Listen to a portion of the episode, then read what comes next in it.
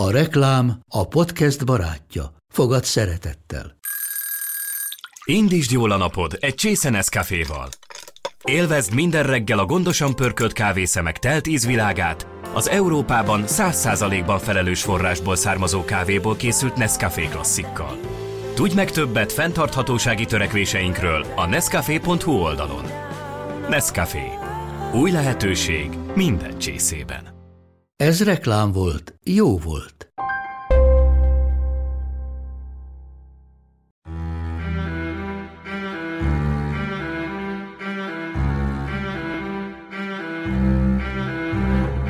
Valahol az Urálhegység és az Ob folyó között a kövek talán még ma is emlékeznek arra a népre, amely 5-6 ezer évvel ezelőtt halászott a környező vizekben, és Tán már magában hordozta egy olyan későbbi nemzet ígéretét, mely több ezer kilométerre nyugatra végül megállapodhat. Hát igen, a magyarok őseinek nem csak az ázsiai sztyeppéket, de a történelmet is át kellett szelniük, hogy mi most ezen a különleges nyelven beszélgethessünk ám a beszélgetésből néha vita lett. Csak az elmúlt húsz évből is nem kevés alternatív elméletet idézhetünk fel arról, hogy honnan is származunk. A történészek számára számos módszer és segít tudomány áll rendelkezésre, de a 6000 éves távlatokat átszelő időgépre még várni kell. Van azonban, amiben biztosak lehetünk, és az új kutatások is folynak. Szóval, finnugor vagy nem finnugor? Mennyire jöttünk messziről? Elég az Urálhegységig visszamennünk? Mikortól vagyunk magyarok? És főként, mi kell ahhoz, hogy ezeket a válaszokat megkapjuk, és pláne, hogy el is fogadjuk? Ez az Itt és Akkor podcast. Rédai Gáborral és az idők nagy kalandoraival. Amit mondunk, az történelem.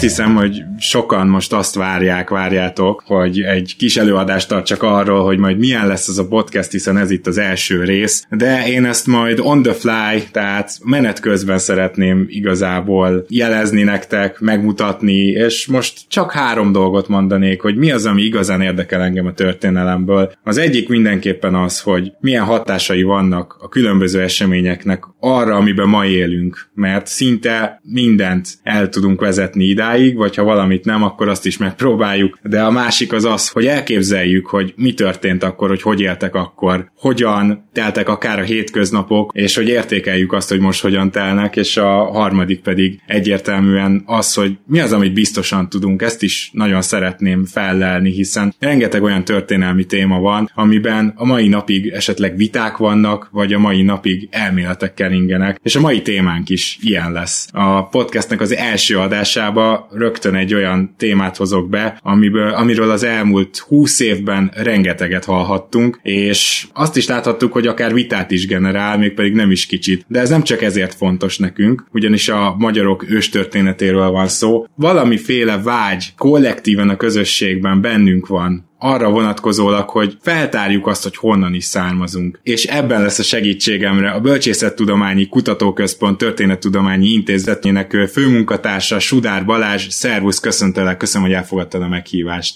Szervusz, én is köszönöm a lehetőséget. Nos, én azzal szeretném kezdeni a beszélgetést, hogy hallgattam az egyik előadásodat, amiben mondtad, hogy amikor te tanultad a történelmet, szeretted ugyan, de amikor a magyar őstörténetet tanultad, akkor arra is emlékszel, hogy egy, egy katyvasz volt az egész, mert nem lehetett követni, és valóban, hogyha az ember megnézi, akkor most jelen pillanatban például a történelemkönyvekben az van benne, hogy volt egy urál menti nép, amely aztán legalább háromszor még szétvált, ennek az egyik ágát ugye követjük, nem is mindig nyugatra vándoroltak, volt, hogy a menetirány az délkelet volt például. Azt nézzük, hogy különböző népek hogy válnak szét, aztán egyszer csak már ugorokként vagy magyarokként kezdünk rájuk hivatkozni, de meg lehet azt határozni, hogy egyáltalán honnantól vagyunk magyarok? Hát ez egy remek kérdés. Mondhatjuk úgy, hogy a magyar szellemtörténetnek az egyik alapvető kérdése, hogy mi a magyar. Ezt nagyon sokszor sokan feltették, és sok irányból próbálták megfogni. Ez a jelenben se egyszerű, a múltban pedig még nehezebb.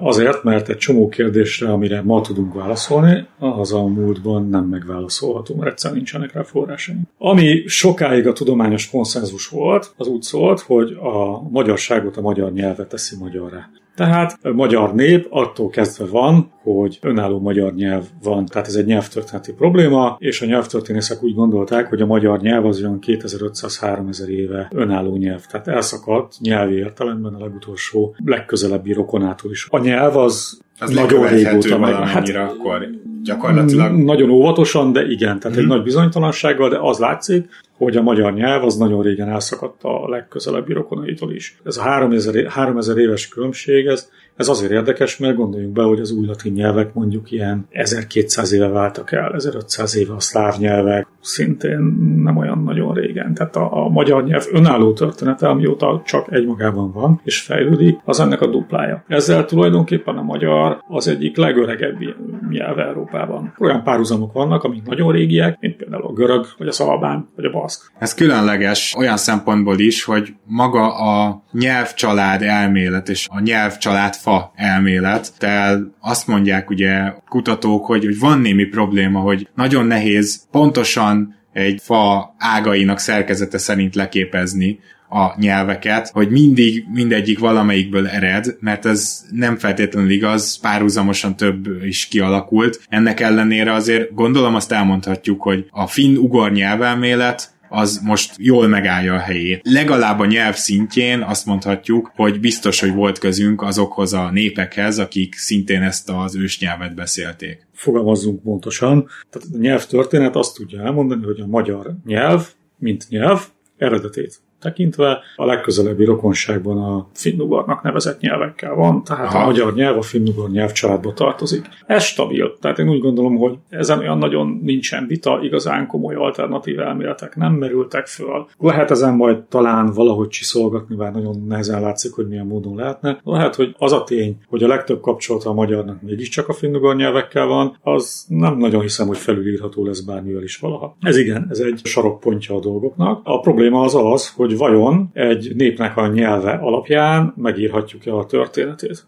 Uh-huh. Vajon egy, egy angol anyanyelvű ír alapján tudunk-e írős történetet írni? Nem tudunk. Ja, ráadásul amennyire én tudom, de javíts ki a tévedek, akár két-három generáció alatt is képes egy nép leváltani a nyelvét, tehát egy bizonyos foktól visszább ez semmi esetre sem lesz nekünk jó. Persze, tehát a nyelvcsere az egy teljesen létező dolog. Gondoljunk csak arra, ami a Kárpát-medencében zajlott a mondjuk Trianon után, meg előtte is valamivel. Tehát különböző irányú politikai folyamatok nagyon erősen befolyásolják azt, hogy közösségek milyen nyelveket használnak. Tehát igen, ez viszonylag gyorsan tud változni, teljes nép szintjén azért ez nehezebb, de persze kérdés, hogy mi az, hogy teljes nép, már uh-huh. egy, egy nagyon elmosódó kategóriáról van itt szó. Sok baj van ezzel, de másfelől meg azért nézhetjük ennek a másik oldalát is, hogy de valami kapcsolatnak meg lennie kell, mert különben a mi nyelvünk nem tartozna a finnugor nyelvcsaládba. Tehát valaki valahogy valamilyen módon kapcsolatban volt. Ez lehet egy egyenes kapcsolat, tehát lehet, hogy a magyarság magja, és majd erre érdemes visszatérni, magyarság magja az egy irgalmatlan régóta egy finnugor nyelvű társaság, aki egyenesen fejlődött, és akkor persze csatlakoztak hozzájuk mások, akik átveszik ezt a nyelvet, és akkor a történet az, az így egyenes vonalú, de lehetnek sokkal kacskaringósabb történetek is, mint ahogy hát látunk is eleget ilyet a történelemben éppenséggel. Tehát a gond az az, hogy nem biztos, hogy így volt. Lehet, hogy így volt, csak nem biztos. Ami biztos, hogy azért nagyon intenzív kapcsolatba kellett lennie a magyarságnak a finnugor nyelvvel, Aha. mert különben nem beszélnénk finnugor nyelven. Ugye ez azért fura, mert ha belegondolunk, Európa Európa nyelvi térképe az azért úgy néz ki, hogy nagy tömbök vannak. Tehát vannak a germán nyelvek, ugye a skandinávok, német, az angol, ezek ugye egy foldban vannak, észak-nyugaton nagyjából. Vannak a, az új latin nyelvek, ezek nem vannak a mediterráneumban többé-kevésbé, de ezek is egy foldban vannak egymás mellett. A szláv nyelvek is egy kupacban vannak egymás mellett. Ez azt jelenti, hogy van egy nép, és majdnem minden európai népnek van legalább egy olyan szomszédja, ahol valami nagyon hasonló nyelvet beszélnek. Mm. Persze lehet azt mondani, hogy a cseh meg a szlovák nem azonos, és persze, hogy nem azonos, de azért, hogyha a magyar szemmel nézem, akkor magyar szemmel azért nagyon hasonlítanak. Hát még a, még a spanyolok és a portugálok is szinte megértik egymást, hát, ami pedig azért már egy persze, de viszonylag hát elvált a, még az igen, hogy viszonylag távol eső franciából is elég gyorsan át lehet tanulni mondjuk egy spanyolra vagy olaszra, mert az egésznek a rendszere, a szókincse, a mindene, az nagyon hasonlít, egy picit más, de nagyon hasonló. És akkor a baszk meg a magyar, az viszont két ilyen sziget. Szigetszerű nyelv, igen, tehát nekünk semmilyen ilyen szomszédunk nincs, aki megértene minket. Ugye nekünk egyetlen olyan nyelv van, ami ami felveti ennek a, az érzetét, és ez is kérdés, hogy hogy kell kezelni, ez a csángó lehet, ami egy nagyon sajátosan fejlődő magyar dialektus, amit bizonyos szempontból akár lehetne már külön nyelvnek is tekinteni, de azért egy tisztességes, becsületes csángóból nem biztos, hogy egy budapesti magyar az bármit is megért így első hallásra. Két nap után meg nagyon sok minden természetesen. De hát ez a, ez a közeli nyelveknek a jellegzetessége, de más nincs. Tehát, hogy egyszerűen nekünk nincsenek rokon nyelveink a környéken, és amilyen rokon nyelveink meg vannak nagyon messze, tehát azért a finnugor nyelvek nagyon messze vannak tőlünk térben, azokból se értünk egy szót se. Semmit. Igen, tehát Ez lehet, az... hogy mondjuk egy törökben több olyan szót találnánk most, ami emlékeztetne nem. minket. Azért ez túlzás? Nem, ez túlzás, de hát a törökből se értünk egy szót se. Tehát ez teljes tévedés, a törökből semmit se értünk a, a magyar tudásunkkal. Tehát ez nem olyan, mint amikor én az orosz tudásommal egy csomó mindent megértek mondjuk a csehből vagy a szlovákból, hanem hogy semmi. Most ez nekünk a legközelebbi nyelvrokonainkkal is így van, ez azért van, mert nagyon régen elszakadtunk tőlük, nagyon régóta önállóan fejlődik a magyar nyelv. És ez egy nagyon-nagyon furcsa helyzetet ö, eredményez a tudatunkban is, tehát ez, ez egy ilyen egyedüllét érzetet kelt, és tényleg ez egy, egyfajta egyedüllét. A magyar nyelv az nyelvtörténeti szempontból nem olyan nagyon régen költözött be, vagy nyelvtörténeti léptékkel mérve nem olyan nagyon régen költözött be a Kárpát-medencébe. A mai tudásunk szerint talán a honfoglaló jött ide, az pedig hát nem olyan vészesen régen volt, tehát ez mondjuk egy 1100 év, az nem túl sok, tehát ez egy foglaló nyelv egy olyan helyre jön be, ahol már mások éltek, más nyelvek voltak, ennek a nyelvnek ki kellett itt vernie a saját helyét az, új közegben. Ez egy olyan szituáció, amiben a nyelvek sokasága el szokott vérezni. Nagyon mhm. sok hódító nép elveszíti a nyelvét. Akkor nem veszíti el, hogyha vagy közel van a hátországához, tehát ha rögtön a háta mögött is olyan úgy beszélnek, vagy hasonlóan beszélnek, mint ő, na ez nálunk nincs. Vagy sok hullámban érkezik be, tehát mindig kap egy újabb megerősítést. Ilyenről sem nagyon tudunk a magyar esetében, tehát ez egy nagyon fura dolog, hogy hogy, hogy egyáltalán mi magyarul beszélünk, de ez azt jelenti, hogy valahogy a magyarság és ez a nyelv ez nagyon erősen összekötődik. Oké, okay, hogy a nyelvtörténetből nem lehet történelmet írni egyenesen, de az azért nagyon világosan látszik, hogy itt a finnugor nyelvű népekkel a magyarságnak nagyon erős kapcsolata kell, hogy legyen mindenképp. Na, ez így tényleg egy pontosítás volt, és egy nagyon pontosan megfogalmaztad ezt a dolgot. Az, hogy vajon miért akarjuk feltárni annyira azt, hogy akár 4-5 ezer évvel ezelőtt melyik népnek voltunk a tagjai, vagy mi már magyarok voltunk-e. Mintha lenne tényleg erre talán az adás elején is utaltam, közös magyar szellemiségnek, mintha egy része lenne az, hogy, hogy az eredet történetünk az meg legyen. De mi van akkor, hogyha most valami csoda folytán minden rendelkezésünkre áll, és vissza tudunk menni akár az ős emberek idejéig, meg, tudjuk, meg tudnánk határozni pontosan, de, de a kérdésem az, hogy azt most mennyire tekinthetnénk magyar ö, nyelvnek, vagy miért akarunk ennyire kutakodni szerinted? Hát az európai kultúra az alapvetően olyan, ami nagy jelentőséget tulajdonít a múltnak. Nem minden kultúra csinálja ezt, és nem minden kultúra csinálja ezt azon a fokon, ahogy mi csináljuk. Például személyes tapasztalat, Törökországban a régi dolgoknak kisebb értéket tulajdonítanak, mint az újnak, mert az új az még jó, szép, nem kopott, és annak van értéke, ami már meg kopva, kicsit ki van lyukadva, kicsit foltos, az már egyre értéktelen. Mi pedig ezt antikvár árunak tekintjük, és plusz jelentőséget tulajdonítunk neki. Nyilván persze megvannak a játékszabályok, hogy megfelelő idő múltával, meg megfelelő körülmények között, de mi elkezdünk értéket tulajdonítani a múltnak, a múlt lenyomatának. Ez bennünk van nem csak magyarokban, ez Európában. De ez egyfajta büszkeség kell? Most csak az az azért is kérdezem. Tehát ez csak egy, mint szemlélet. Na, ez egy szemléletmód, ez ne, semmilyen Nem azért van, hogy verjük a mellünket. Nem. Nem, ez arról szól, hogy a múlt egyrészt pecsétet rak az életképességünkre, mm. tehát minél hosszabban múltunk, annál régebb óta létezünk, annál jobban bizonyítja azt, hogy életképesek vagyunk, hiszen még mindig itt vagyunk ennyi ideje. Ez az egyik fele. Ez egy ilyen közösségi életösztönnek a, a lenyomata gyakorlatilag. A, nem a lenyomata, hanem a, a, a jele, a jelzése. Aha, Tehát ez egy, ez egy szimbólum tulajdonképpen. Aha. Másfelől pedig azt hiszem, hogy az európai kultúra az épít a tapasztalásra. Tehát a múltat azért kell ismerni, mert a múltban olyan tapasztalatok vannak, amivel a jövő fele tudunk menni sikeresebben. Talán. Ezért őrzik a múltat, ezért írnak történelmet már nagyon régóta Európában. Nem mindenhol írnak történelmet, tehát mindenhol fontos ez ennyire, vagy fontos tudomásul venni, vagy fontos ezt akár önkritikusan csinálni. Van, ahol nem lényeges az önkritika. Nálunk nagyon lényeges, mert tanulni akarunk belőle. Tehát Európában van egy ilyen tanulós attitűd. De itt az is nagyon érdekes, hogyha most én random kisétálok az utcára, és megkérdezek öt embert, hogy mi jut eszébe a hagyományőrzésről, ha nem ötöt, hanem mondjuk százat, akkor én azt gyanítom, hogy nagyon nagy valószínűséggel két fő dolgot hallunk majd. Az egyik a népdalok, a népviselet. Ugye ennek ráadásul most a 2010-es években a magyar egyébként kiáll kiábrándítóan rossz propzenébe is egy reneszánsza volt például a népdaloknak, tehát hogy ezt látjuk velünk él, illetve ugye a lovasi kultúra, azzal is már jó páran találkoztunk, csak az a furcsa, hogy a kettő között olyan 2500-3000 év van, ami, amire éppen visszaemlékszik ez a fajta hagyományőrzés, tehát mi alapján válogatjuk ezt? Azt hiszem, hogy ez megint csak még mindig össze-európai jelenség, hogy a kezdőpontnak tulajdonítunk egy olyan értelmet is, hogy majd a kezdőpont valamilyen módon meghatározza a jövőt. Uh-huh. Tehát gondolj az asztrológiára. Tehát, hogy a születési dátumod majd el fogja neked mondani, hogy milyen lesz a jövőd, vagy milyen lesz az életpályád alapszinten.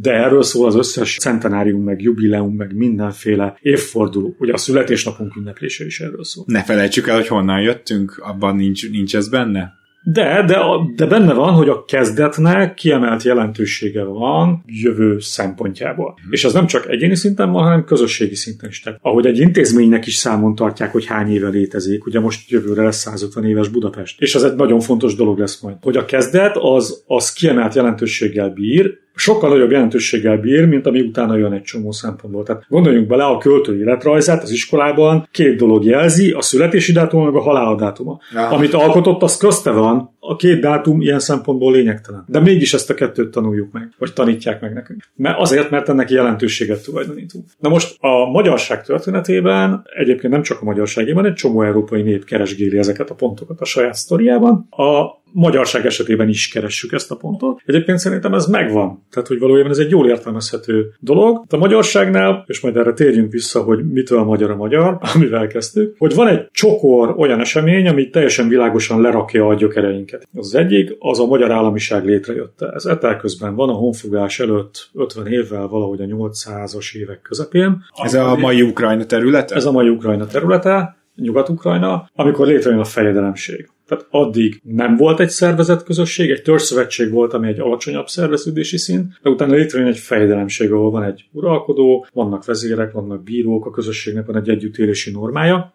lehet, hogy ők úgy is gondolták akkor, hogy ott letelepednek, mert az ember azt gondolná, hogy akkor alakul valami fejedelemségé, hogyha úgy érzi, hogy már otthon van.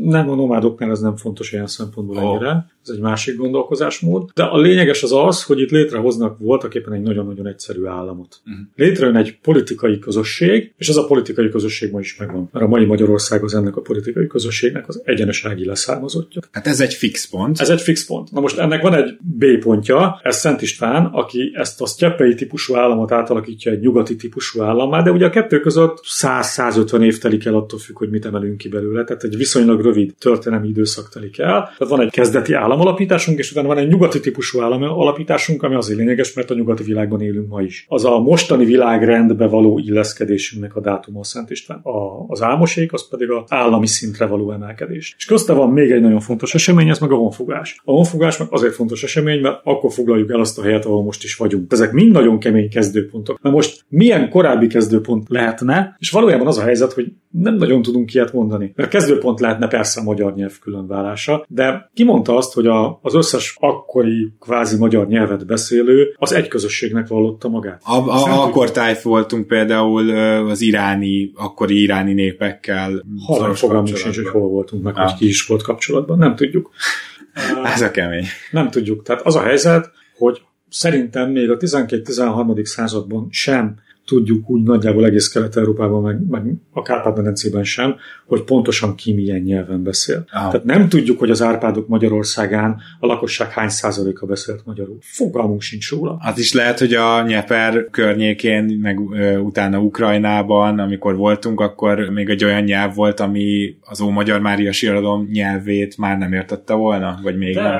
De az biztos, hogy értette volna. Azzal nincsen probléma, csak hogy hát egy ország az nem egy nyelvű sose ja. gyakorlatilag. Most a Kárpát-medence elfoglalása az eleve úgy történik, hogy egy csomó mindenkit elfoglalunk. Tehát itt elfoglalunk népeket, akik hát kevéssé valószínű, hogy magyarul beszéltek volna. Hát ezért a Dunántúl az a keleti frank birodalomnak a része, láthatóan szláv, meg germán lakosokkal, meg nyilván avar lakossággal. Aztán ott van Morávia, amiben nyilván szláv lakosok vannak megint, de vannak benne avarok is. Fogalmunk sincs, hogy milyen nyelveken beszélnek, kevéssé valószínű, hogy magyarul beszéltek volna. De ezek bekerülnek a magyar fejlődésbe fejedelemségbe, aztán a Magyar Királyságba. Tehát ez egy sok nyelvű valami, aminek egy része a magyar, de Kelet-Európában se tudjuk, hogy mi van, ott azt még kevésbé tudjuk. Ja. Hogy a kelet-európai régióban milyen nyelveket beszélnek pontosan hol. Tehát igen, gondoljuk, hogy persze vannak, ahol szlávokat beszélnek, vannak, ahol germán töredékek vannak, törökök vannak, finnugorok vannak, de hogy éppen hol, milyen arányban, hogyan, azt nem tudjuk. És emiatt aztán arról sincs nagyon fogalmunk, hogy a magyarság így pontosan milyen viszonyban van a többiek. És akkor visszatérve itt a két általán felhozott példára, ugye a, a lovas nomád életmód az úgymond a legelső valamiféle kezdőpontunk, amihez vissza tudunk menni, nem? Mert hiába, hogy több, akár ezer évet ölelt fel,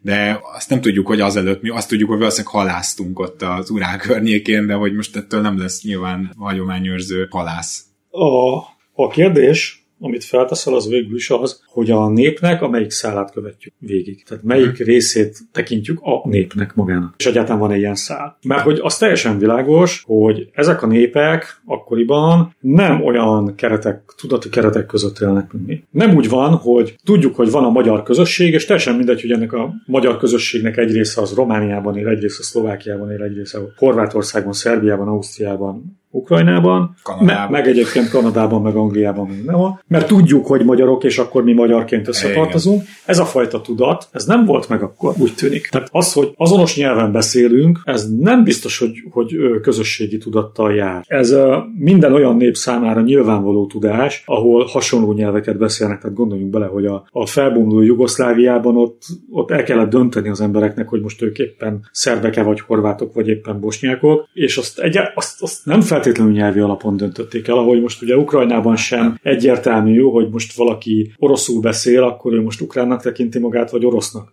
Vannak olyan oroszul beszélők, akik ukránnak, ukránnak tekintik, tekintik magukat. Tehát, hogy, hogy a nyelv az nem biztos, hogy eldönti ezeket a kérdéseket. Akkor mi dönthet? Hát ez egy nagyon jó kérdés, hogy mi dönt. Én, én úgy látom, hogy amióta így rálátunk a dolgokra, és nem csak nálunk, ott egyfajta közösségi tudat dönt, aminek nem, én úgy látom, hogy nem a nyelv a legmegfelelőbb, vagy a legfontosabb attribútuma, hanem valójában egy közösséghez való lojalitás. Tehát annak a felvállalása, hogy én ennek a közösségnek a része vagyok nyelvtől függetlenül. És a közösség az eléggé gyorsan úgy tűnik, hogy politikai alakulat. Tehát, hogy valójában az egy hatalmi szerveződés, aminek nem feltétlenül a hódítása, vagy, vagy ilyesmi, vagy a alatvalók le uralása a lényege, hanem elsősorban a túlélés. Tehát valamilyen rendszerbe szedjük a közösséget. Igen, mert a rendszeres közösség jobban tud túlélni. Igen. Tehát valójában a, a közösségi együvé tartozást csinál egy tudatot, és az a tudat vándorol, és akkor abból kiszakadnak elemek, meg belekerülnek elemek. Tehát gondoljunk bele, hogy a kunok a 13. században beköltöznek Magyarországra, nagyon nem magyarul beszélnek, akkor már nem olyan a kultúrájuk, tehát ugye ők nomádként jönnek be, addig a magyarok már nem azok. Ilyen formán furcsák, teljesen más világ, teljesen más politikum, minden másképp van, és már a eszébe nem jutna senkinek, hogy egy kunsági ember azt mondja, hogy nem magyar akkor is a tudottan kung felmenői vannak. Uh-huh. Mert az már magyar, mert csatlakozott hozzá. De ugyanakkor vannak kiszakadó csoportok is, tehát rengeteg kiszakadó csoport van, gondoljunk csak az amerikás magyarokra a 30-as évekből. De gondolom Julianus barátra is gondolhatunk, hogy akikkel ő találkozott, az lehet, hogy egy ilyen kiszakadt csoport. Na hát ez egy másik jó kérdés. Honnan gondoljuk azt, hogy a magyarság, aki magyarnak hívta magát egyáltalán, bárki is legyen az, az bejött a Kárpát-medencébe. Tudjuk, hogy nem jött be. A magyar történelem első ismert eseménye, szerintem, ami, amiről azt lehet mondani, hogy ez egy esemény, az egy szétszakadás. Az az, hogy a magyar közösség szétszakad. Az egy dolgot tudunk, hogy a közösség már akkor magyarnak hívta magát. Ezt onnan tudjuk, hogy mi is magyarnak hívjuk magunkat, és a leszakadó elemek is magyarnak hívják magukat. Uh-huh. Ez valamikor a honfoglalás előtt van, egy olyan 100 évvel, 150 évvel, 80 évvel, valahogy így körülbelül van egy nagy szétszakadás. Ekkor szakadnak le el, akiket majd a Julianus megtalál, Valószínűleg van egy másik csoport még ekkoriban a Kaukázus tájékán, és ki tudja még hol mindenhol vannak magyar csoportok. Ugye egy valamit nem tudunk, hogy mi ennek mekkora része vagyunk. Uh-huh. Mert lehet, hogy mi vagyunk a kisebb része. Hát az nagyon extra lenne. Nem, semmi extra nem lenne benne. Ez egy abszolút létező opció, csak ugye mi onnan nézzük a dolgot, hogy mi magyarok vagyunk, mi most itt vagyunk, van egy országunk, és csak mi maradtunk. Mi megmaradtunk. Mi megmaradtunk, tehát nekünk ez a folyamatos tudat ez megvan, és ebből jön az a, az érzés, hogy akkor mindig is mi voltunk a legnagyobbak. Aha.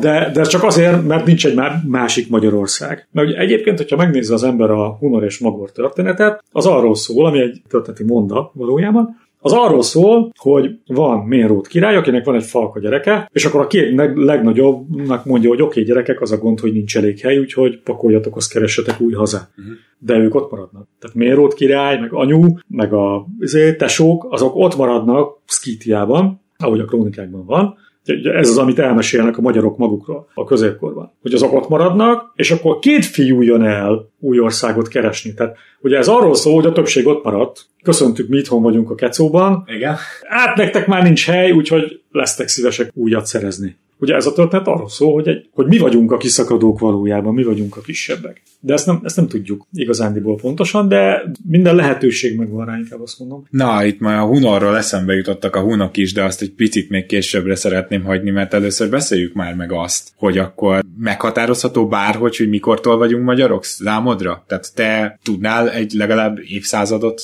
vagy egy helyszínt hozzákötni, bármit? Nem.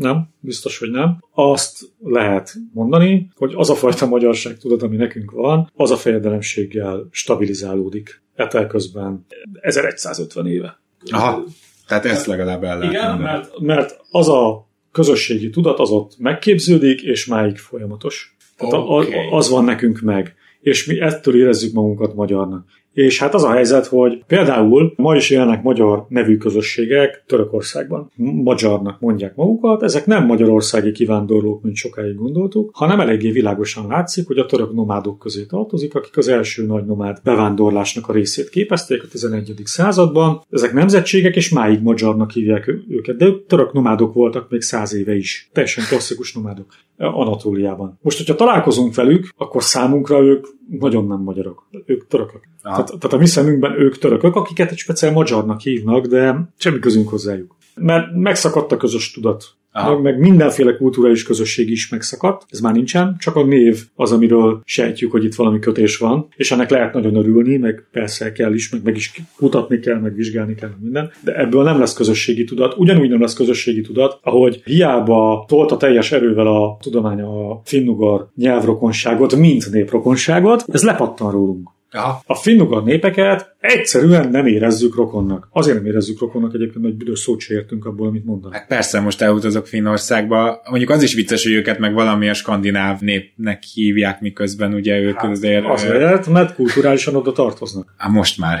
Hát nem, már nagyon rég. Nagyon rég, igen, jogos. Tehát, hogy ez egy nagyon fura dolog, és akkor még mindig ott tartunk, hogy jaj, hát a finnugor nyelvcsalád az olyan gagyi. Tehát azért Finnország mondjuk nem gagyi, tehát hogy... Hát ez kétségtelen. Hogy, hogy akár a finnek így büszkének is lehetne lenni, hogy azt lehetne mondani, hogy na hát azért, azért mégiscsak egy komoly társaság, és lehetne ezt a kapcsolatot ápolni, de nem. Ez nem következik belőlünk. Mert esetleg a finnek kevesebben vannak, mint mi. Persze, ugye? sokkal kevesebben vannak. Mi vagyunk a legnagyobb finnugor nyelvű nép. De mondjuk a finnekkel lehetne ezt, és nem. És nem. És nem, mert megszakadtak azok a kulturális transferek, amik ezt a rokonság érzést fel tudnak kelteni. Ilyen szempontból érdekes, hogy a magyar társadalom egy része érezni véli a sztyeppei rokonságot, miközben a finnugor rokonságot meg nagyjából senki nem érzi. Egyébként arról van tudomásunk, hogy a, a finnek például, nekik is valószínűleg van lovas nomád felmenőjük, úgymond ősük, ők például ápolják ezt a kultúrát valamennyire? Vagy most olyat kérdeztem, amit pont nem... Hát én ehhez nagyon nem értek, de ugye szerintem a finnek speciál pont nincs, nincs. de a, a nyelvrokonainknak, az obiugoroknak, legközelebbi nyelvrokonoknak, nekik vannak ilyen hagyományaik. Ő, ők a sztyeppéről kerülnek be a tajgába, nekik abszolút megvannak ezek a lovas történeteik, meg a lóáldozat, meg sok minden, tehát hogy nekik ez megvan. Azt hiszem, hogy azért van egy ilyen török vagy sztyeppei nosztalgia Magyarországon, mert az nem egy olyan nagyon régi kulturális kapocs, ami effektíve nem olyan régen szakadt el, vagy szűnt meg, amit a krónikáink életben tartottak mindig, a közösségi tudatban ezek így úgy amúgy mindig benne voltak. Még Ugye nem véletlen, hogy a magyar katonaságban mindig a húszásság az, ami a, Igen. ami a mérvadó. Ezt akartam mondani, hogy maga a lovas kultúra, a annak a nyomait ma is persze. lehet még érezni. Persze, persze, persze, de hogy egyáltalán, hogy a, a hortobágyi pásztor a, a marhákkal. Szóval, hogy csomó olyan elem van, ami, ami így ismerős, a díszítő művészetünk nagyon nagyon sok kapcsolatban áll a sztyeppei népek díszítőművészetével a meséink, nagyon hasonlók. Tehát tényleg egy csomó elem van, ami egy ilyen ráismerésként tud hatni, hogy jé, de hát a, a török mesék pont olyanok, mint a magyar mesék. Milyen érdekes. Hogy a török népdalok mennyire hasonlítanak a magyarra adott esetben. Szóval rengeteg olyan elem van, amire így rá lehet csodálkozni. Igen, mert hogy abból a világból jövünk. És ennek a nyomai így ugyanúgy megvannak, és ezek még mindig valamilyen módon tudnak hatni. Hogy ez mennyire van tudatosan felpörgetve, az egy másik kérdés, de ha nem lenne semmi, nem lenne mit felpörgetni. És ezért van ez a, szerintem ez a török, gortörök háború, hogy most akkor a magyar nyelv mégis inkább török, meg mindenféle ötletek felmerülnek. Pedig ez egy egyszerű dolog szerintem. A ez egy, egyfajta kulturális rokonság kapcsol minket. Tehát igen, az is egy rokonság, csak az nem egy nyelvi rokonság, hanem egy kulturális rokonság, ami ugyanolyan fontos. Ugyanolyan kulturális rokonság, mint ami most minket mondjuk Nyugat-Európához fűz azzal, hogy a magyarok nyugati keresztények. Ez egy nagyon fontos mondat volt, úgy érzem, tehát e, itt ezt kell helyén kezelnünk, hogy mit jelent a kulturális rokonság. A történelem segédtudományai között nem olyan régen, 2018 tájéken, de valószínűleg kicsit előbb, hát így a kocsmajtót kitárva belépett ugye az archeogenetika, és nem tudom pontosan, hogy utána ő volt-e ott a főnök, és egyből fizették neki a feleseket, de az biztos, hogy most a sajtóban legalábbis nagy vízhangot keltett az, hogy na majd az archeogenetika, az megmondja nekünk, hogy pontosan honnan, származunk. És úgy tudom, hogy azért ez a lendület megtört, és most már azért nem minden kóboly úgy néz fel erre a bizonyos archeogenetikára, hogy jaj, jaj, most bajba vagyok azt kell látni, szerintem ebből az esetből, hogy a történeti források, amik történeteket mesélnek el, hogy a történelem az történetekről szól, azok az írott források, mert más nem tud történetet elmondani. Ezek az írott források nem nagyon messzire mutatnak vissza a magyar múltba. A honfogás előtt 50-100 év a maximum, amit így valamennyire legalább látunk, az kevés. Ezzel áll kontrasztban az, hogy tudjuk, hogy a nyelvünk sokkal régebben önálló. És nagy volt a vágy, hogy valahogy a magyar történelmet hátrább lehessen tolni, tehát messzebbre lehessen visszafele látni az időben. És akkor, hát ha nincsen írott forrás, akkor az merült fel, hogy jó, hát akkor más tudományágak segítségével próbáljuk ezt az űrt betölteni, és akkor ilyen volt az első nyelvészet, de volt a néprajz, az antropológia, a régészet. És amikor ezek a tudományok felpörögtek, akkor mindegyik azzal az igényel lépett föl, hogy majd ő megmondja. Aha. Most az archeogenetika tartott, hogy majd ő megmondja, hogy mi van. És akkor ezt szerintem a helyén kell kezelni. Szóval ezek a tudományok nem tudnak történeteket mesélni. A látleleteket tudnak adni, különböző információk között kapcsolatokat tudnak felépíteni, olyan információk között, amire rálátnak a nyelvész a nyelvi jelenségek között, a régész a régészeti jelenségek között, a genetikus a genetikai jelenségek között. Lát egy hálózatot, egy kapcsolatrendszert, és mindig az a kérdés, hogy vajon ezek a kapcsolatrendszerek ezek a történeti közösséggel, azt a tudatot hordozó közösséggel, akivel beszéltünk, milyen kapcsolatban állnak. És ez nagyon nehéz. Ugye, hogy az előbb beszéltünk arról, hogy egy nyelv az nem feltétlenül azonos a közösséggel, a nyelvtörténet nem biztos, hogy azonos a közösség történetével, így az sem biztos, hogy a régészeti kultúra azonossága az azonos közösséget feltételez, hiszen itt is van kólásüveg, szóval, hogy Aha, tiszta sor. És fordítva, ha nem ismernénk semmit a történelemből, és mondjuk csak pusztán a régészet lenne, akkor a honfoglalókat és a 11. századi árpádkori magyarokat két külön népnek gondolnánk. Aha. Hiszen teljesen másképp temetkeznek, teljesen mások a szokásaik, minden teljesen Valás. más. Igen.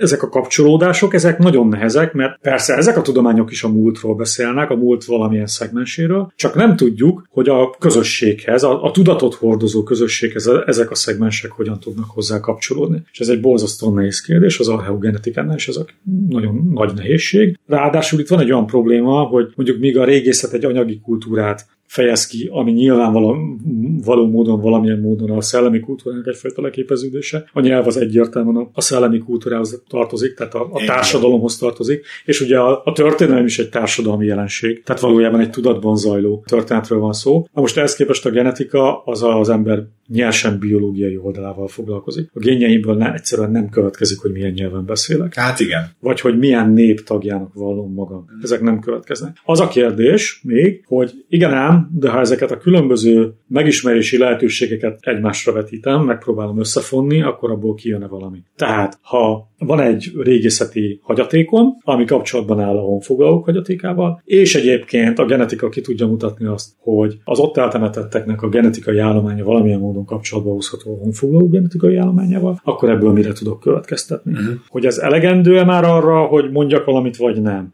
valamire nyilván elegendő. Arra, hogy kutassuk, arra elegendő. Arra feltétlenül, de valószínűleg mondjuk egy erős gyanú megfogalmazására is elegendő, hogy oké, okay, ez a két közösség valahogy összetartozik. Mm. Lehet, hogy be tudok lőni időhorizontokat, hogy melyik van előbb, melyik később, de lehet, hogy nem és egyébként ez sem biztos, hogy megoldás, mert hogy a történelem meg olyan, hogy oké, okay, itt van két közösség, ami kapcsolatban áll egymással, de milyen kapcsolatban áll egymással? Mert hogy ez a kapcsolat nagyon sokféle lehet származhat egyik a másikból, származhatnak közös ősből, lehet, hogy teljesen külön ágakon fejlődnek. Keveredhetnek. Kevered, szóval igen, sok minden lehet. Tehát, tehát a megfigyelt genetikai és mondjuk régészeti jelenségekhez én különböző történeti modelleket tudok odaállítani, amik ugyanarra a végkifejletre vezetnek, amit most megtalálnak ezek a társtudományok. Magyarán nincs egy stabil olvasat.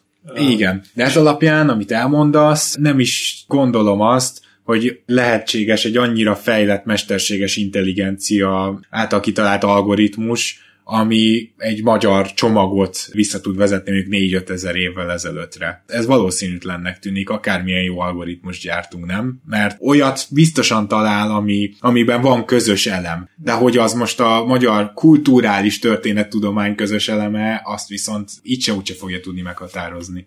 Hát, hogyha az archeogenetika még sok-sok kutatást elvégez, ugye ez sajnos ezek a kutatások azért mennyiségi alapúak, Minél finomabb képet akarunk alkotni, annál sokkal-sokkal több kutatásra van szükség. Ez halad előre, és egyébként gőzerővel halad, akkor abból ki fog alakulni előbb-utóbb az emberiség genetikai története. Tehát az meg fog látszani, hogy az egyes haplócsoportok hogyan vándorolnak térben, és talán időben is. Lesz egy csomó minden, amit majd meg fogunk érteni, hogy hogy történnek ezek a mozgások. Nyilván ugye a gén az úgy mozog, hogy az ember viszi, tehát hogy, hogy az, az, egy, az egy valamiféle mozgással jár együtt. De ezt a magyaroknál már annyiban biztosan tudjuk, hogy valahonnan az őseink Ázsiából bevándoroltak Európába, hogy ennél pontosabbat is tudunk majd? Mm, valószínűleg igen, csak ugye sok mindent nem fogunk tudni, így sem. Ha ma Amerikában csinálnának egy genetikai vizsgálatot, és nem tudnánk semmit Amerika történetéről, akkor nyilván a genetika ki tudná hozni, hogy vannak nagy számban európaiak, meg vannak nagy számban afrikaiak. De most meg tudná mondani azt, hogy az afrikaiak az európaiak rabszolgái voltak, vagy azt gondolná, hogy a domináns feketék leuralták az európaiakat. Aha. Tehát, hogy mi lenne a történet? Igen, igen, igen. És igen. azért lássuk be, hogy ez a kettő homlok egyenest különbözik. Na most ez a baj a genetikával, hogy ilyen kérdésekre nem fog tudni választ adni. Lehet, hogy a különböző tudományágak kombinációi majd egyszer valahova fognak mutatni, de egyszerűen a tudatra nem fognak tudni rámutatni. Én azt gondolom, hogy nincs, amivel a tudati elemet, magyarán azt, hogy én milyen közösséghez tartozónak vallom magam, azt meg tudnák határozni. Gondoljunk bele, abból azokból a korszakokból, ahol nincsenek írott források, ott a genetika úgy tudja elnevezni a közösségeit, hogy ilyen-olyan régészeti kultúra népe, vagy ad neki egy kódszámot. Aha. Abban a pillanatban, hogy belépünk abba a rendszerbe, amikor már írott források vannak, akkor azt tudja mondani, hogy ja, ez magyar, Igen. vagy ez kún vagy akármilyen, tehát akkor már tud hozzá rendelni egy nevet. Na hát ez mutatja a különbséget, hogy amikor van írott forrás, akkor már neve van a dolgoknak, amíg nincs írott forrás, ott meg kódszáma van a dolgoknak. Tehát én azt gondolom, hogy igen, segíteni fog abban, hogy sokkal tisztában lássunk. Egy csomó kérdésben a genetika zseniálisan jó segítség. Aha a megismerésben. Egy csomó minden ki fog jönni, de azt gondolom, hogy ilyen igazán nagy... Hon, honnan jöttek őseink? Mondjuk, hogy a mongol, mongol elméletet mondjuk megerősítse, erről látsz esélyt, mert ugye ez, úgy éreztem, hogy, hogy nagyon sokan, akik foglalkoznak ezzel, felhozták ezt, hogy, hogy esetleg még messzebbről származunk, hogy ezt majd megerősíti az archeogenetika. Lehet? Bármi lehet, persze. Csak megint ott tartunk, hogy jó, de ennek milyen értéke van. Az, az még magyarságkutatás egyáltalán? Vagy hát, hogy magyarságkutatás kutatása, de hát a gyökerek kutatásával mindenképpen belefér. Igen. De én azt érzem pillanatnyilag, hogy amennyiben mondjuk a nyelvünket mégiscsak valamilyen szinten meghatározónak gondoljuk, akkor azért ez a nyelv, ez, ez azért nem nagyon messziről jön Ázsiából, tehát hogy ez valahol az urál környékén kell, kell keresni a gyökereit. Tehát az biztos, hogy a magyarság egyik jelentős komponense az ilyen urálvidék tájéka. Szerintem nem kérdéses, hogy a magyarságban egy rakás török nép beleolvad, uh-huh. akik nyilván sokkal keletebbről jönnek. Ugye azt kell látni, hogy a népek azok nem úgy vannak, hogy egyszer csak így létrejönnek, és ott onnantól van egy kompakt nép, Aha. aki így minden ízében összetart, és az egy egy darab valami egység. Hanem ezek a közösségek, ezek mindig összeállnak, szétesnek, újra összeállnak más elemekből. Tehát ez egy nagyon dinamikus folyamat. Ez mindig is így volt a történelemben. Tehát ez ma sincs másképp. Napjainkban is zajlik gyakorlatilag. Hát hogy ne, hát gondoljunk bele arra nem tudom, sok százezer magyarra, aki ma Angliában él. Most vagy az van, hogy ez egy diaszpóra, ami a magyarságot terjeszti ki Angliára, vagy az van, hogy az angol etnogenezisnek lesz egy magyar szála. Hát ez ez a kemény. De azért azt is láttuk, hogy ennek ellenére a török, a, a sumér elméletek, hát az is nagyon tetszett, hogy azon keresztül valahogy pártus elmélet, hogy Jézus is magyar volt, mert hogy ugye Mária az édesanyja, aki pártus volt, és hogy azért itt meg tudod, mi jut erről eszembe? Az jut eszembe, amikor itt volt a Dalai Láma, lehetett hozzá kérdéseket intézni, és sajnos valaki feltette azt a kérdést, hogy igaz az, hogy Magyarországon van a világ szívcsakrája, és akkor elkezdett ott lótuszülésbe előre hát hátra dühöngélve röhögni, nem tudok jobb szót a, a dalai láma, hogy hát ezt minden országban megkérdezik tőle, hát még jó, hogy nem. Úgy érzem, hogy néha kellenek ilyen truvályok, ezért is hoztam fel ezt a mellünket verjük dolgot, mert ezeket már ilyennek látom, hogy Jézus is magyar volt, meg hogy a sumérok ugye az egy európai bölcső, és ezek viszont, ezek az alternatív elméletek, ezek kicsit ilyen verjük a mellünket elméletek, nem? Persze nevezhetjük így is, bárhogy nevezhetjük, de mindegy, tehát hogy ezek a fantázia világában vannak, Aha. és mindenki úgy fantáziál a saját múltjáról, ahogy akar. Tehát azért a szabadon van, fantáziálni azt lehet az nem lesz történettudomány. Meg nem lesz köze mondjuk bármiféle valósághoz. Tehát, de hogy valaki úgy gondolja, hogy most neki Jézus pártus volt, és ilyen formán magyar, hát legyen neki. Tehát, hogy ezt ő teheti, ez nem egy történettudomány eredmény. Na, de van egy másik ilyen szál, és talán ezzel jutunk el itt az adásunk végére, hogy azért a hunoknál ennél, mintha egy picit többről lenne szó. Ugye említetted Hunor és Magor történetét, de említhetjük azt is, hogy minket hunoknak hívnak a hangöri megnevezéssel a mai nap napig. Hát az, hogy más népek hogy hívnak minket, az, az általában egy jel, én legalábbis legjobb tudomásom szerint, de mint ahogy ezt talán eddig is észrevették a kedves hallgatók, én magam azért nem vagyok történész, úgyhogy mindig fenntartom majd a továbbiakban is a tévedés lehetőségét, de szerencsére olyan vendégeim lesznek, akik ezt kijavítják. Úgyhogy neked is megadnám ezt a lehetőséget, hogy, hogy javíts ki, ha ezt rosszul mondtam, de a, a hun szál az abban mintha több lenne egy picit, mint fantázia. Hát a Hungary az nem a hunból van, hanem az onogurból. Tehát, hogy ez speciál pont nem a hunokra utal. Ami viszont sokkal érdekesebb, hogy azért se közel, se távol nincs olyan nép, aki a hunoktól származtatná magát. Nem ismerünk, nem ismerünk ilyen népeket. Egyetlen olyan közösség van, akinél ez így felmerülget. Ezek a bolgárok, de hát ez egy nagyon fura ügylet, és az, az, az sem olyan, mint amilyen. Tehát az, hogy nekünk tulajdonképpen a legkorábbi történeti hagyományaink óta ott vannak a hunok, mint ősök. Európában is egyébként Ázsiában is egy párját ritkító dolog. Tehát ilyen nincs máshol, ez csak nekünk van. Ami azért egy fura dolog. Egyik szempontból azért fura, mert Európában hunnak lenni, az nem biztos, hogy egy jó ajánlólevél. Hát, hát gyakorlatilag jöttek, és majdnem leigázták Európát. Hát ugye a latin világban a Attila az az antikrisztus. Aha. Teljesen nyilvánvalóan. Tehát az a, annál lejjebb azért nem lehet menni. Tehát, hogy ebben a világban azt mondani magunkról, hogy jó, de mi hunok vagyunk, hát ez nem túl pozitív. Na most, ha mi éppen integrálódni akarunk nyugathoz, akkor nem jó ötlet ezzel jönni. Tehát, hogy ez, ez ilyen irracionálisnak tűnik. Vannak még hunhagyományok, másoknak a hunhagyományai. Ugye például a, a germánoknak nagyon komoly hunhagyománya van, Nibelungének és egyebek. Na csak hát abban nem az van, hogy ők hunok, hanem az van, hogy az ősi germán fejedelmek a Hunatilla udvárában éltek. Ők ugyan a hun birodalom részei voltak, és onnan szakadtak kvázi ki, de ettől még eszükbe se jut hunnak hívni magukat, csak emlékeznek a hunokra. Na most ehhez képest mi, kerekperec azt mondjuk, hogy hunok vagyunk az első pillanattól kezdve, hogy magyar történetírás van lényegében, legalábbis a korai szakaszától, ami hát azért elgondolkodtató, hogy ezt akkor honnan akasztották. Tehát, hogyha ha ennek semmi értelme nem volt, ha ennek semmilyen háttere nem volt, akkor ezt miért? Ráadásul, ha nem tudtak volna semmit a hunokról, akkor nagyon fura, hogy az egész európai hun hagyomány az vagy nagyon negatív, vagy nagyon passzív. Tehát a germánoknál nem negatív szereplő Attila, de teljesen passzív szereplő, csak így elszenvedi a eseményeket. Na most a magyar Attila az egy rendkívül pozitív szereplő, és rendkívül aktív. Ugye annyira pozitív szereplő a magyar krónikás anyagban, hogy még az is így gond nélkül el van neki nézve, hogy megölte a testvérét. Ja. Hát így alakul. Tehát azért ez nem egy magától értetődő dolog. Tehát én inkább azt gondolnám, hogy az a gyanús a dologban, hogy ez inkább olyan, hogy hát van egy ősöm, akit valahonnan gondolok, hogy az ősöm, oké, okay, oké, okay, hogy itt nem annyira szeretik, de nem tudok mit csinálni, mert ő a rokon, aztán az ember a rokonait nem válogatja, és akkor megpróbálni kimosni, meg egyáltalán valahogy ez tiszta sor, de akkor tekinteni. Ebből mégiscsak az következik, hogy akkor ez a rokonság vélhetően valahol fennáll, még ha nem is de facto kijelenthetjük, hogy ők az őseink. Az a kérdés, hogy hogyan áll fenn, az azért sokféleképpen állhat fenn ez a rokonság, vagy valamiféle kapcsolat, inkább én kapcsolatnak nevezném. Ugye mi itt az európai hunokról meg Attiláról beszélünk, de a magyar hagyományokban ez az Attila egy csomó esetben eléggé világosan száz évvel van a honfogás előtt. Most a történeti Attila meg 400 akárhány évvel van a honfogás előtt. Hogy itt van egy időbeli törés, ami nem stimmel eleve. Az is látszik, hogy amit a magyarok a, a hunokról mondanak, az tényleg a nyugati krónikákból van összevakarva. Az, az látszik, hogy ott tényleg ilyen szempontból ez a hagyomány, ez egy nyugati gyökerű hagyomány. Tehát a sztorik, azok nyugatiak, de a szemléletmód nem. Na most az a helyzet, hogy nem kell, hogy egy hun hagyomány európai legyen. Hun hagyomány keleten is van, az ázsiai hun birodalomnak is van hasonló hun hagyománya. Tehát ahogy a türkök egy hun hercegnőtől vezetik le magukat, az ősanya a hun hercegnő, az ujguroknál is van ilyen történet. Hun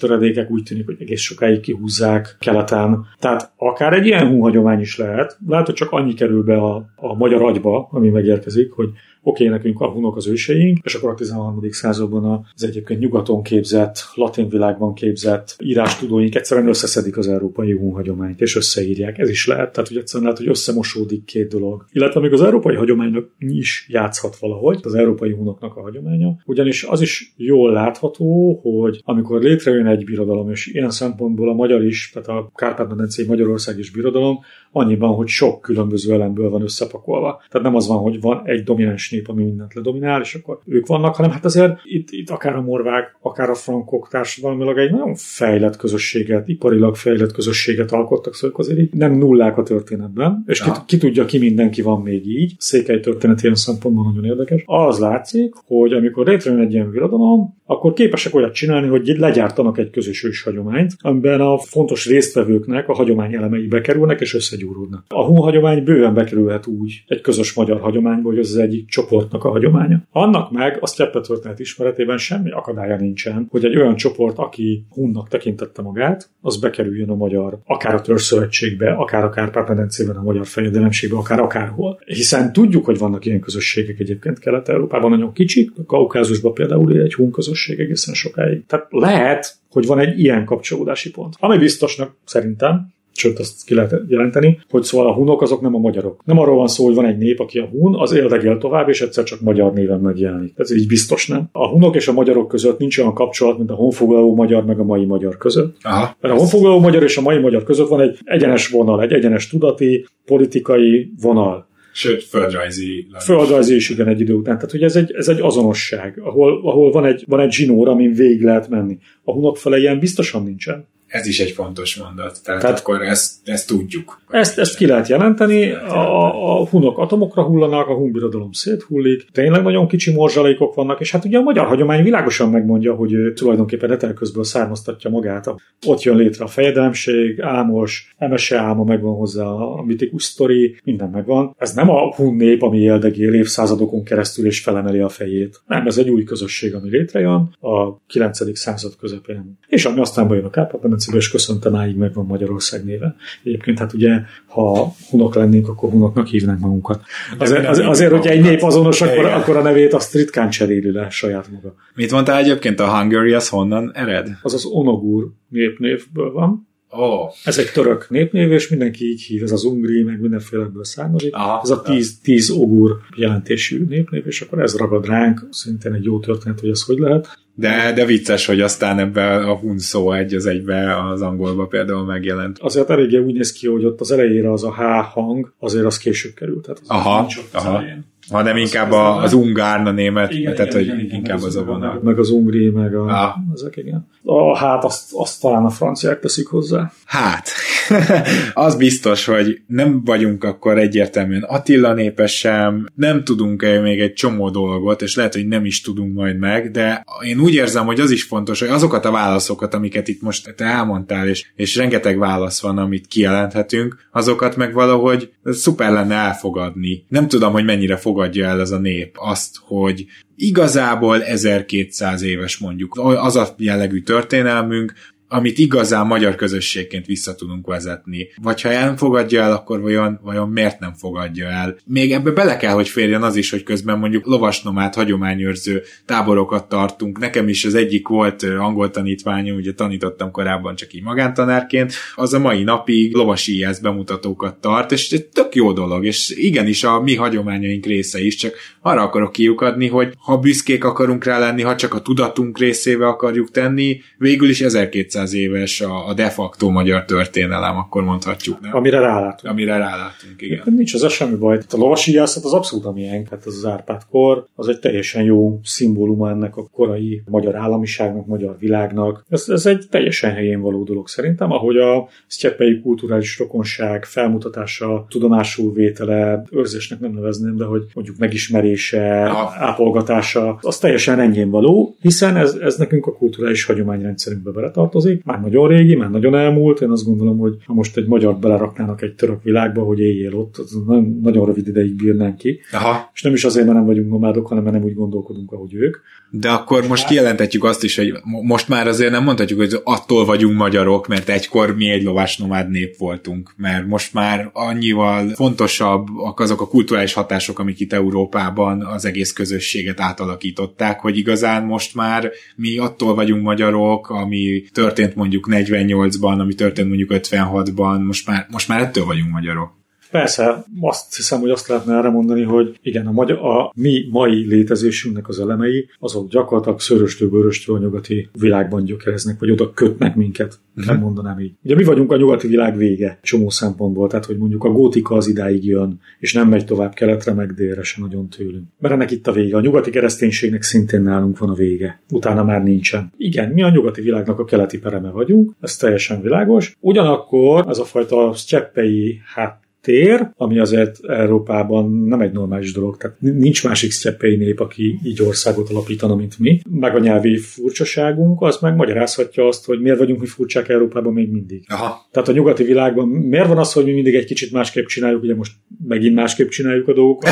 Igen. De ez az egész magyar történelmen végigvonul egyébként, hogy, hogy miért néznek ránk furán, akkor is, ha éppen nem, nem, csinál, nem akarunk valamit másképp csinálni, mm. akkor is furcsán néznek ránk, az, az viszont ebben a múltban gyökeredzik valahol. Ez talán segít ezt megérteni, és nyilván ezt kezelni kellene, tehát ezt letagadni semmiképp sem érdemes, meg valójában ez egy szép és kedves dolog is lehet, meg abszolút, tehát igen, én is szívesen lovasíjászok, tök jó. De valójában ez a fajta kelet, ez nekünk ma már a mindennapjainknak nem része. Ez a tudatunknak a része egy picit. És ilyen formán egy magyarság szimbólum, mert ettől vagyunk mások mondjuk, mint egy szlovák, uh-huh. vagy mint egy osztrák. És hogyha ezt épp, és nem is csak a mostani helyzetre mondom, hanem szerintem a rendszerváltás óta bármikor a politika épp nem akarja valamerre elhajlítani, aktuálisan felhasználni, akkor ezek a szavak, amiket most mondtál, ezek számomra szinte objektívnak tekinthetők. Ezért is gondolom, hogy nagyon fontos dolgokat mondták ki, és azt gondolom, hogy a hallgatóknak is talán egy ilyen iránymutatás arra, hogy a magyar őstörténet milyen jelentőséggel bír a mai létünkre. És igazából ez volt ennek a podcastnak a célja, lényege. Sudár Balázs, nagyon szépen köszönöm.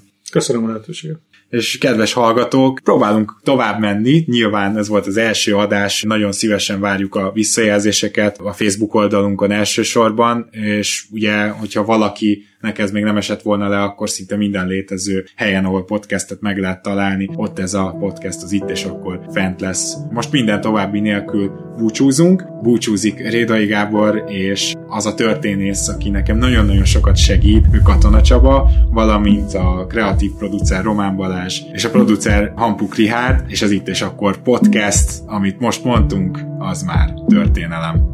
thank you